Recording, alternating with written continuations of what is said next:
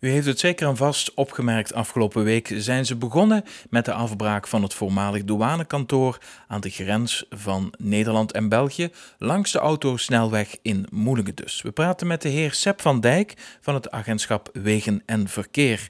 Goedendag meneer Van Dijk. Ja, het douanekantoor dat wordt de komende maand afgebroken. Uh, wat is eigenlijk de reden? Moelingen stond al een aantal jaren het oude douanegebouw uh, te verloederen. En dat was ook uh, slachtoffer van uh, vandalisme de afgelopen jaren.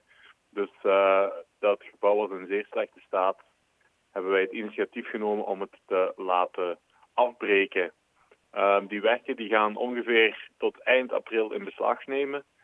Um, achteraf gaat het terrein gewoon uh, worden ingezaaid uh, waar de gebouwen gestaan hebben. Het aantal parkeerplaatsen blijft uh, behouden zoals het nu is. Oké, op de locatie waar het douanekantoor dus heeft gestaan, komt dus gras of een mooi bed van bloemen? Ja, inderdaad. Het terrein wordt achteraf dus ingezaaid met een, een grasmengsel of een bloemenmengsel. het wordt alleszins vergroend en niet verhard, dat gedeelte waar het gebouw nu gestaan heeft. Ja, het gebouw heeft daar toch heel wat jaren gestaan, toch enkele decennia neem ik aan? Ja, dat, uh, dat klopt zeker. Daar heb ik eigenlijk zelf uh, vrij weinig informatie over. Uh, het agentschap Wegen en Verkeer was de beheerder van, of is de beheerder van de parking, van de vrachtwagenparking. En daarbij kwam nu het voormalige douanegebouw ook kijken. En om die verdere verloedering tegen te gaan, uh, hebben we besloten om het gewoon maar af te breken. Want het gebouw had daadwerkelijk geen functie meer.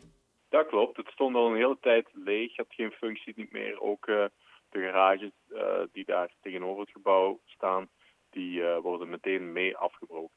Enkele jaren geleden is het nog in het nieuws geweest, misschien niet zo positief. Het toppunt van lef en in zekere zin ook wel ironie, namelijk dat er een wietplantage was gevestigd in dit douanekantoor. Ja, klopt. Dat, dat hebben we ook moeten vaststellen. Um, dus uh, het is niet alleen vandalisme geweest, het is ook uh, illegaal gebruik door op dat moment onbekenden van het gebouw. Ehm, dus vandaar ook reden te meer om die plek een schone lei te geven op dit moment. Nu de parkeerplaats naast het douanekantoor wordt wel goed en intensief gebruikt, was het dan geen optie geweest om een faciliteit te creëren voor deze vrachtwagenchauffeurs of eventueel een wegrestaurant er te vestigen? Ja, klopt. Uh, het beheer van de, van de vrachtwagenparking ligt dus ook uh, bij ons. Maar uh, voor deze parking zijn er geen plannen op dit moment om daar verdere voorzieningen uit te bouwen. Ja, een jaar geleden hebben we weer even de fysieke grens mogen voelen.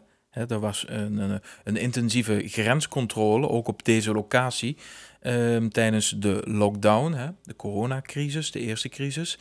Um, had het toen eigenlijk niet kunnen dienen, dit uh, douanekantoor? Volgens mij was er eigenlijk niet meer veel aan te vangen met uh, het gebouw op zich.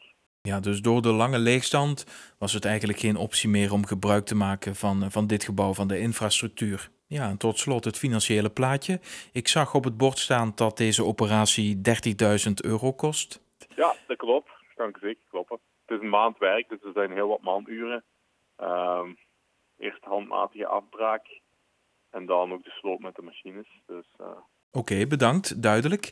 Zijn er verder nog uh, werken in aantocht hier in de gemeente Voeren of omgeving? Goeie vraag. Uh, op dit moment heb ik geen zicht op zeer spannende zaken, nee. Geloof dat we eigenlijk een, vernieuwing van een wegdek wel hebben de komende maanden ergens. Maar dan wordt u zeker op de hoogte gehouden. Oké, hartelijk dank. Seb van Dijk van het agentschap Wegen en Verkeer.